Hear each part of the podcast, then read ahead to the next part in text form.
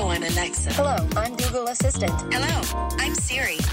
This is This is this is VoiceCast. VoiceCast. Hi, and welcome to a new episode of the VoiceCast. This is where we talk all things voice and invite experts to share their knowledge.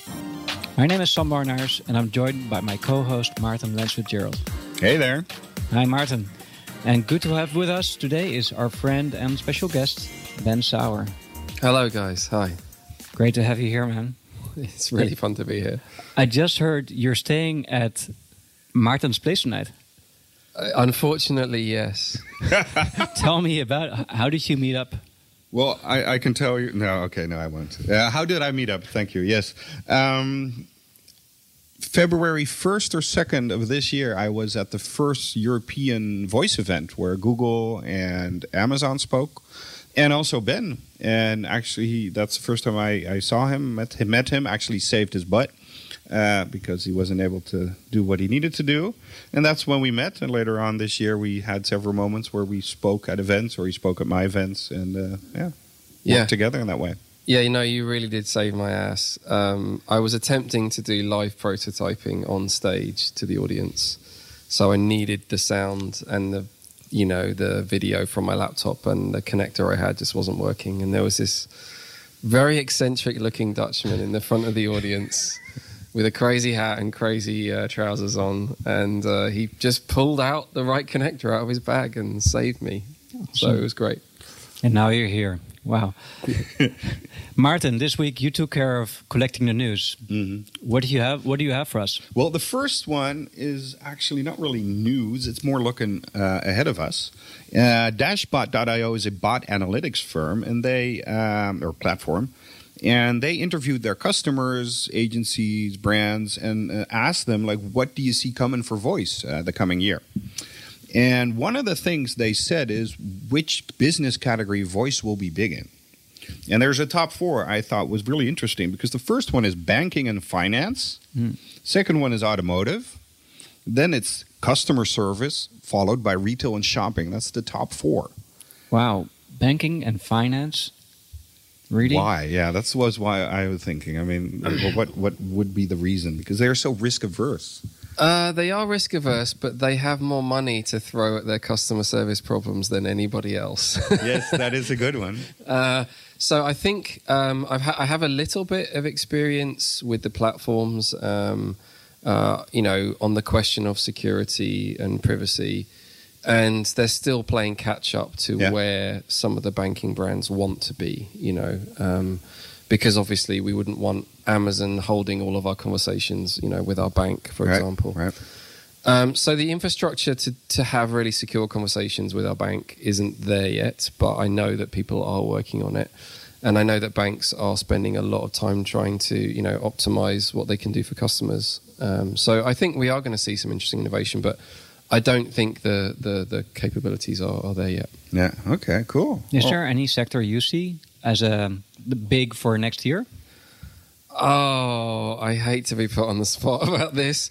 um, I mean, I've been doing a lot of work in healthcare, and um, there are some really interesting things happening. But actually, again, once again, you you sort of hit this point where there are privacy or platform constraints that you can see something will be very useful and possible in the near future, but you need Amazon or Google to kind of play catch up in terms of what they can do. Yeah.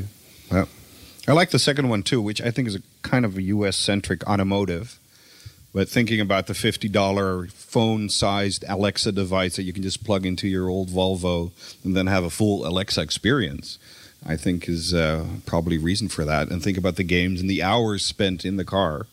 So, uh, yeah, we discussed earlier a game which got like 5 million funding, a, a game specifically to work in the car. Drive got 5 time. million. You might know drive time. I actually saw the CEO present last week in London. Well, there you go. Yeah. It's a very interesting case because they are betting on the fact that if you have a certain degree of concentration while you're driving, um, it's better for your driving, right? So if you get a bit of challenge through a quiz, is better than you know not listening to anything or not having. I love that pitch. Yeah. we'll see. It's we'll better see. than your partner nagging you. Yes. well, of course. And of course, customer service, which is one of the, the VUI uh, lenses, of course. Yes, indeed, it is one of my yeah. lenses. Yeah. I think, yeah, that's the easy one. Um, And then retail and shopping. That's that's number four on the list. I think it's logical. People will start looking for cases where they can make money with it. Yeah, and they're action oriented. They they're doers or they die quickly. Yeah. I think in retail, and so yeah. I think there's some Im- interesting emergent cases. For example, in the UK, you can now order samples through an Alexa skill. So if you see an ad for, uh, I think one of them was like a, a liquor, some sort of uh, sample, um, and you could say, you know, hey Alexa, ask the blah blah blah skill for a sample of this. It'll take your address, and then within a couple of days, you have a sample of a product. Where did you see this? Is this on the packaging? I think it was. Uh, I haven't seen it myself, but I've seen pictures of ads where they are saying, you know, order a sample, you know, via. This is why 2019 is going to be so big because it's in the marketing of all these brands.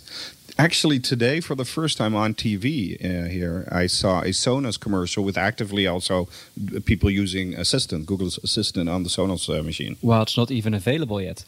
Uh, yeah, I know some Sonos owners who are very uh, upset that uh, it was promised before the end of the year and it's not there Yeah. yet. Yeah. yeah. Anything you missed here, Sam, in the categories?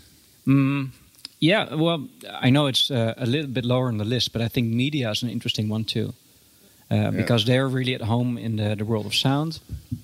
And I can imagine that they're going to play catch up, at least from my limited knowledge within the Netherlands.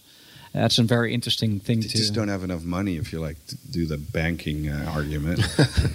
they don't have enough money, but they, money. they do this naturally. So this is something that they um, they don't really have an issue with. But it's a very small twist for them to to get used to uh, thinking in this voice uh, voice domain. Yeah. Yeah, and actually, when you when you look at skills outside of entertainment and uh, media, you notice that they don't necessarily value things like sound design and narrative. Yeah. Yeah. And actually, this is something that media does very, very well. So I think we're going to see some really interesting experiments. In fact, I worked on one. Um, I consulted on something called Hidden Cities Berlin for the Financial Times of London, which is a documentary choose your own adventure in Berlin. So you get to learn about the history, and it's uh, it's really interesting. It's got some great sound design in it. Let's go to the next one. So it's basically it's a report. Uh, Jeroen de Bakker from uh, Talpa sent that to me, and it's a report from Germany where basically it says that voice is huge in Germany. Did you know that? I didn't. I did. Oh, you It- did. Oh, good. They've been around for a while, right? I know. So this report, it's a uh, Facit Research did it together with AS&S, which is the sales house of their public broadcaster ARD, so like the BBC of Germany, I guess. They researched or they interviewed eight thousand people for twenty minutes each. So this to me is like, wow, this is German Gründlichkeit, thoroughness, uh, you know, and makes me believe right away what is in there. Um, for what it's worth. Anyway, 9 million Germans, uh, basically 13% of the population, own and regularly use a smart speaker. I was really impressed with that number. What is the population of Germany, Martin? Alexa, what's the population of Germany? As of 2017, the population of Germany is 80.6 million people. Okay. There So that's, a, that's a good percentage. I don't know what it is exactly. We could ask Alexa again to calculate that, but let's not bother. So, yeah, 80 million and 9 million uh, uh, uses uh, the devices a lot. 53% are aware of the voice system, so I think also that is a lot. I recently did an uh, interview here on the market where I asked people what they, uh, um, if they knew about voice and what they thought, and everybody was pretty negative. So it looks like Germany is further along the uh, the path. Uh, they started out, I believe, 2016. That's when Alexa was uh, introduced. So, well, um, mostly they're young people. As in, uh, for Germany, young is under 50, by the way. That's also an interesting thing. But then again, that's where all the money is. So, hey, that's good for the market as well. 74% is Alexa users. The rest is, uh, of course, Google. And they also named the HomePod. And that's kind of like 50 50 of those two of the remaining percentage. Hmm. So my thought was like, what would happen in the other countries? So is it, I, I have no data on France, for instance. Not really a lot of data on, on the Britain. Do you do you have any data on that by chance? Uh, I don't know the specific numbers, but Amazon is way ahead. Yeah. Um, but it does look like the rollout will happen at different speeds Yeah. uh, across Europe. So it may be that Google Assistant wins the race here. Yeah.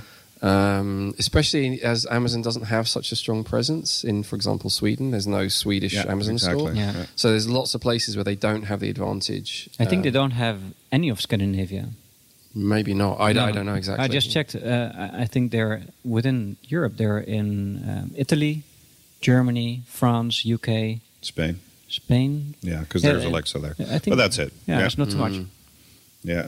So I wonder also when it's going to come here and how it's going to play out. So that's very d- interesting how uh, how yeah that dynamic really changes the game. But that's I guess uh, the price of a, a non-blue ocean where you roll it out. Mm, indeed. Yeah. Um, lastly, uh, what I really was interesting, uh, but that's more for you, I think, is the feature phones coming out with uh, Google Assistant. Yeah, we've seen feature phones before coming out. So there was the the big banana phone, uh, or the yellow banana phone, the the Matrix phone from Nokia, which had Google Assistant inside. It was it's retailing for about seventy euros. Um, it's not Here. a smartphone in the Netherlands. Yes, uh, it's not a smartphone. It's just a feature phone, but it has Google Assistant, and that's interesting. But now in Indonesia, uh, there is a smartphone or a feature phone, which which retails for less than ten dollars, and it has Google Assistant inside. So Yeah. Google Assistant has been available since April 2018 in Indonesia, and having this very uh, affordable phone available with Google Assistant in a country where not everybody is as literate as here in the West makes a very interesting case. Yeah. So it's not the first, but it's the first I see with less than ten dollars, which is very affordable for uh, many parts of the country uh, of the world. To me, it's like the, the Facebook internet move in India. Yeah. Facebook Zero, Yeah. yeah, I think we're going to see a lot of that in places with low tech, low infrastructure, low literacy. This could rock the world, basically. Yeah. Yeah, Yeah. definitely. yeah. You have, you have in India, you have multiple JioPhone, I think, uh, and it's all based on KaiOS, I believe. Yeah. uh, Mozilla-backed uh, open source uh, platform. But it, yeah, I'm looking forward to see what happens with this in two years or so. It's the growth market, of course, for Google. Yeah, the next billion people they are going to connect. Yeah. Hey, Ben, Hello. let's talk about you. Oh no. you you got you got you got to ask British people first if that's okay, Martin. You know we're not comfortable speaking about ourselves, but know. it's okay. It's okay. But you're. you're, uh, You're half half British, right? I am half Dutch. This is yes, true. Yeah. yes. So, so I feel a little bit that I can say anything to you. but you know what? I am Dutch, so I would anyway. indeed, indeed. hey, but let's. Let, I mean, I, I've seen you a lot, uh, put you a lot on stages here. But who are you actually? I mean, where? uh, Okay. What's your background? Yeah, so um, I guess I've spent the last 12 years investing my life in UX design, and uh, the past few years more on the strategy and research end at a company called Clearleft in Brighton. Um, we made a number of products that were aimed at designers, like uh, Silverback. I don't know if anybody's used the usability tool Silverback. We created that. and we created Fontdeck. I say we, I'm not there anymore. Um, and so I got to do lots of interesting work all over the world. And a few years ago, I started to get interested in voice because, like a lot of people, I was getting very addicted to um, that thing in my pocket. And I started to realize that voice was going to provide an alternative and perhaps more pleasant mode of interaction. So I started to play around um, and I started to, to give talks and, and learn. And then I uh, got to, you know, work a bit on some projects. Uh, and I started collaborating with somebody from Google, uh, Abi Jones, who'd done a lot of voice design, and I learned a lot from her. We made some stuff together, we gave workshops, uh, and voice became my thing. And uh, I left Clearleft in May, and I've been uh, consulting on voice full time ever since. Wow. So, how many years now on voice then? Uh, r- roughly about three, but like part uh, full time since since May. Yeah, Yeah. part time before then. Yeah. So, if you look back at all the projects you did, which one was the hardest? Um, there is one other I can't say too much about, but it's in the medical space, Uh-huh. and I think that you you know you go in thinking, hey, I'm going to solve this huge great problem for humanity, and then you realize just how hard it is. You know, so I've been working on something for an ongoing basis where you know we've had some some real crashing and burning in testing and some hard lessons Right. um, because you know once you get into this as a designer, you realize if you're paying attention, human conversation is extraordinarily complex. Yeah. Oh yes. But because it's so deeply rooted in our day to day behavior, we take it for granted. Does it mean you, um, if you're saying it's very complicated, does it mean you sometimes uh, say no to projects which are too complicated or not yet possible to solve through a voice? I, I'm still too hubristic. I think I, I'm still saying yes to everything. But no. do, you, do you have a sense beforehand to understand that this probably won't work? Uh, yeah, no, I, uh, I'm I'm being disingenuous. I think I do have a sense, uh, and uh, yeah, you have to you have to be real about what what is capable, particularly when you think about how hard it is to replicate a natural conversation using existing platforms. It's still really really hard. Yeah. Yeah. Um, That's what I learned from uh, Elizabeth Stokoe. right, right. Uh, So important, I think, Yeah. to know how hard it is, because not Yeah. a lot of people know that yet. And I think that actually uh, the, the skill that she trades in, which is conversational analysis, will become much more important in design over time. Yeah. Yeah. I think one of the things that you taught me is that voice design is actually more, more voice research because you just have to test your presumption. And, and, and is, is that the case? I mean, is voice design more about, yeah, trying to get the information from the users and trying to work with that?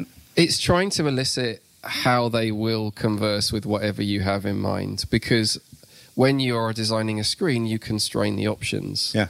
So you're effectively being a little dictator, right? You're saying Yeah, you can do this and can't It's do that. ego driven almost. Right, it is. And you're still, obviously, if you're doing good design, trying to figure out all of the things that they need from that interface.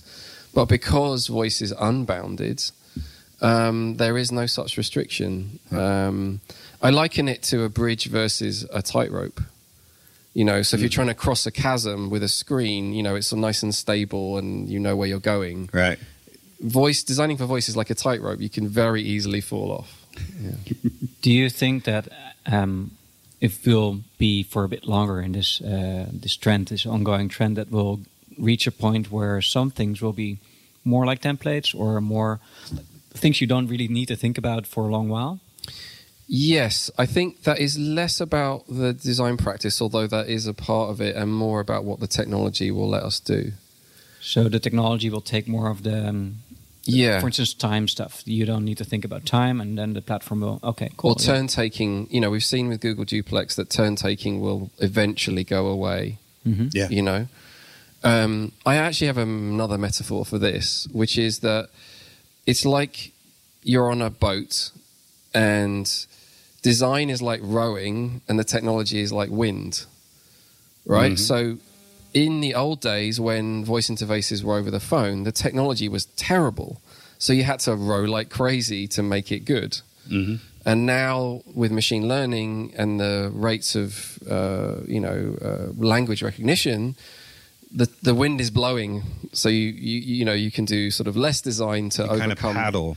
Yeah, right. I mean, you still got to do a lot of work to get it right. But so, but what I guess what I'm saying is there's a balance between the technology and the design practice that is going to change over time. hmm So one of my favorite slide, or one of your favorite slides that I think that is, let's say that right. One of my favorite slides of yours Mm. is uh, nobody has a fucking clue what's going on. yeah.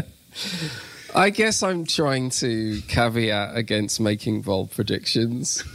um, I guess what I'm saying is that I don't think anyone has a very clear idea of the relationship we'll have to our voice assistants in future. yeah, Um, and also the time frame at which we will become so trusting and dependent on them that they are with us all day, every day right. um, and what that implies, right, for a society, if we're all talking to the same company all day, like that's a really crazy thought. And like the conversation about regulation that's happening with, for example, you know, social media right now mm-hmm. is. Is that healthy for a democracy? For Yeah. everything to go through one highly personal channel? Maybe not. No. Yeah. Yeah, no, the, the interesting questions. Yeah, yeah. Do you think we're getting closer? I'm not sure. I think I don't understand AI and machine learning well enough to make bold predictions about when the intelligence will jump to something. Uh, I'm not asking if we're getting closer to uh, uh, AI or like a general AI, but more like, are we getting closer to an understanding of where we're going? Is it Hmm. maybe going from unknown pitch pitch black dark uh, to maybe a very vague light at the Yeah, I mean, I think yes, to some degree. I mean, you can see in clear relief the kinds of problems now that mean we don't trust it with everything. Right. Um, that wasn't so easy to see a few years ago because it was all rubbish. you know, it was. uh, so now you know you can start to see that complex tasks and going off the rails for a user break very quickly, and so the focus narrows for users. Right, they'll only ask it a small number of things, and then probably not experiment too much in future. Right. But what I will say is that in my lab testing, roughly one in five of the users that I, that come through will show an unusual amount of trust or reliance on a voice interface. Um, so one I me- remember recently was a lady has a Google Assistant on her phone next to her as she's working on her laptop all day, and she asks it sort of side questions all day. oh wow Nice. Um, or I had another lady say, you know, I know I don't really believe this, but Alexa is like my friend at home. Scary wow. how quickly that goes. Yeah, so in which country was this this is in the UK. okay Yeah, where obviously the usage Yeah. is a bit more normal for people. Um, Yeah. so I think there are signals in the marketplace of deeper trust, but capability is still so broken, right? There's so much we can't do with it. Wow, but still, the adoption numbers. I mean, like, like Yeah. uh, we just. It's wow. I mean, Yeah. yeah, I'm still so bo- mind boggled by that. Yeah. so you're not really into doing predictions but it's good to maybe look back and look at what, what we achieved during this year is there anything particular you think that like some advancements we made in last year that you wouldn't have expected beforehand Um, well, I think duplex completely blew everyone's minds, right? I mean, there's no doubt that Yeah. within a narrow domain, real, very real conversations are possible. A little caveat there: we know from reading about the background of duplex that it was a lot more human guided than the demo suggested. Um, but it's now clear to people that you know if you take a particular thing and you research it and you understand the conversations in a narrow domain, you can probably replicate something very close to a human. Yeah. Yeah, our last podcast we talked about what was going on in China in the same domain of the conversational automated conversations, where you could uh, break into a conversation or uh, interrupt and like three things in one conversation, and, and the and the machine had no issue with it. yeah, Yeah. interruption, uh, implicit intent, and there was also um, multiple things going on at once. And the the, convers- the conversational AI was able to handle that pretty well. It's uh, with Alibaba, I think. Yeah. Hey, I have a random ending question. Um, so, say you're a political party. Doesn't matter what you think or why. What kind of voice service would you do? I've never thought about this one. Uh, what kind of voice service would I do? Well, I guess most of them want engagement, right? They want people to be Yeah. to care about politics. So I don't I don't know what my service would be, but that would be my starting point is how do you get people to give a crap? You know. Yeah, how? Yeah, and that's the que- the design question to answer. I, I think uh, Yeah, this is like a an answer with two seconds. yeah, yeah. of And so I guess that might be an exercise in reframing what politics is, because if you go at it directly, it's going to be boring as hell. Yeah, exactly. Yeah, I, I think I'd like to talk to the prime minister as as a consumer, as, as an individual, as a civilian. Yeah. But what would he say and why?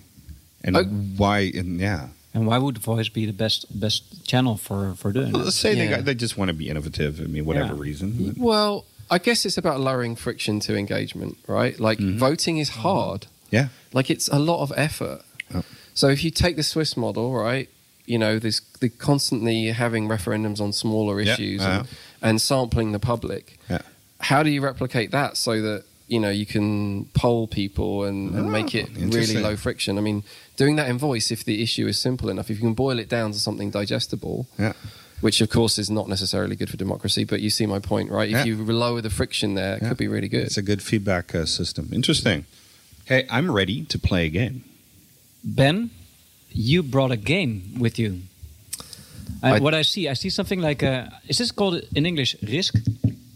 Uh, it is not. It is uh, not Risk, although there is a uh, map of the globe on the boards. Um, this is a game called When in Rome. It is the first Alexa power bo- powered board game. Um, and it is a quiz. It, it, it is essentially about um, asking slightly funny and strange questions about cities all over the world. Um, to and, and I think the interesting thing from a voice point of view is to anybody who's thinking about creating voice interfaces, ask yourself what human role would my thing play in my domain? So in this case, um, Alexa is being like the quiz master or the dungeon master. She's kind of hosting the game for us, um, and it's a it's a really it's a really great game. Yeah. So let's just play the game. Alexa, open when in Rome and start a new game. Okay, let's open the full game of When in Rome and see what we can do.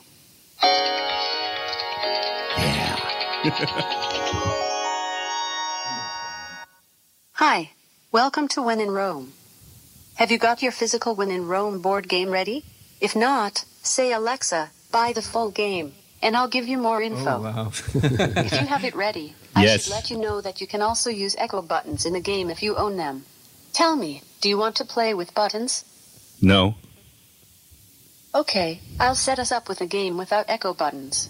If you want to play with buttons, you can tell me Alexa, start a new game. To begin, let's get into two teams, red team and blue team. I'll play some delightful music while you choose your teams, but you can interrupt it if you make a decision more quickly by saying Alexa, we're ready. I want to be on Sam's team, Ben. Fine. No. Okay. Let's. Uh, we're set up. Um, Alexa. Alexa, we're ready. Great. Okay, grab your team's playing token. Now let's choose who to go first. Here's a question. Which team would be most likely to get headhunted for tech jobs in San Francisco? Uh, Maarten's team. Talk amongst yourselves. Then say Alexa, it's the, and the color of the team. If you decide before the music finishes, feel free to interrupt. Alexa, it's red. Red team? I see. Ali, what do you think of that? Hey, there's plenty of things to do here other than tech. We really don't need any more tech bros. You have quite a way with words, Hmm? Ali. Is there anything else you want to say? Maybe about San Francisco? Come on over to San Francisco. The fog isn't out today. Yay. That's one way to put it.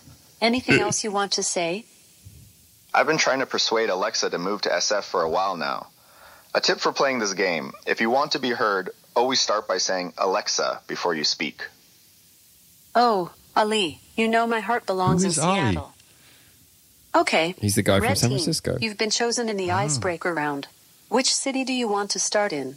When you've chosen, just say Alexa, fly to London, or whichever city you want to go to. Let's go home. Alexa, fly to London.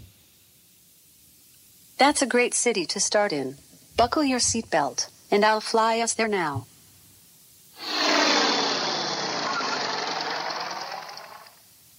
Great. We've landed in London. Put the red team plane on the board in London to show you're there. I That's did a that. very, Every very city has a long new intro. local to meet. Okay, Alexa, thank you. So there is a little bit of setup involved in this Wow. game. Yeah. Can you skip it? Uh, I don't know how, but maybe. Does I- it make you not want to play the game for a second time? Uh, yeah, I guess. Okay. I mean, the questions are fun once you get into it and you start moving around the world. Yeah. Uh, but yeah, I think the buttons thing particularly just made that. I, I'd never heard that before today, so it just kind of made it a little bit longer. Which is a warning to everybody doing voice design, right? Make it as short as possible. Exactly. And and yeah, and if you want to just start, start. And Yeah. and, and 'cause Exactly. we had to sit through all that. So interesting how that works. Uh, I like the sounds design that they used, and um, I didn't get that Ali was from San Francisco and that there was a new character in, introduced all of a sudden. I'm like, I don't get it. But yeah, so they they they spent a lot of time recording people from all over the world and creating locally based questions. So it's, it's got pretty good production values. Yeah. Okay. Cool. What do you think, Sam? It sounds awesome. Um, I think it would be fun to play once. I'm not sure if I would stand this many times or if I would have friends who are still enthusiastic after sitting through four minutes of introduction. Right. But um, it seems like fun, so I think I think we'll get this for in the office and play it around. What I liked here compared to we previously did uh, Would You Rather, and Would You Rather did not give you banter time. Like, oh, come on, that's not funny. No, Mm-hmm. you should use ninja instead of pirate. And uh, here you said, yeah, talk, banter about yourself to choose your team or whatever, and, and then it would go on. I mean, it was a bit staged, but still, it didn't rush me through it, which I had with the other one. Like, it didn't give me room to play. Yeah, and, and they do the instructions also throughout the game instead of all up, up front, and they use personas to do that. So that's pretty nice. I, I think um, what we need to consider is the fact that this is still a horse, ca- you know, a horseless carriage phase, right? Yeah. Like this is a really bold, cool thing to try and have Alexa host a board game, and it has definite flaws and lots of learnings that we can draw from. Yeah. Um, but I mean, what a cool experiment! You know, what a cool thing to try. We're going to see a lot more of that, and then over time, we'll figure out how a voice interface fits into interactions like this. If you could improve one thing, what would it be with this game? Yeah, so I mean, I guess I would just make a lot of those interactions as short as possible. Um, I would cut out the talk amongst yourselves to figure out red blue team. I would just say there's a red team and a blue team, and then let the humans figure it out. Right? Right. Like, just just get to the meat fast. Yeah, right? Like, exactly. well, that's what it was uh, issue. you know, you want a piece on the board with the questions and scoring points as fast as humanly possible. yeah. Um, and and the more you automate and cut corners, the the better the, the, the experience will be. So this is an interesting uh, thing we also talked about last podcast is uh, the difference between being functional and being an experience.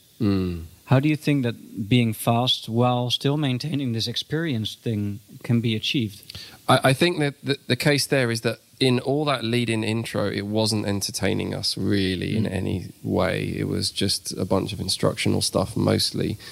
And the San Francisco stuff was kind of in the middle. It Yeah. wasn't like super engaging. Yeah. But there are ones here that are interesting to listen to. That was Yeah. just a random choice.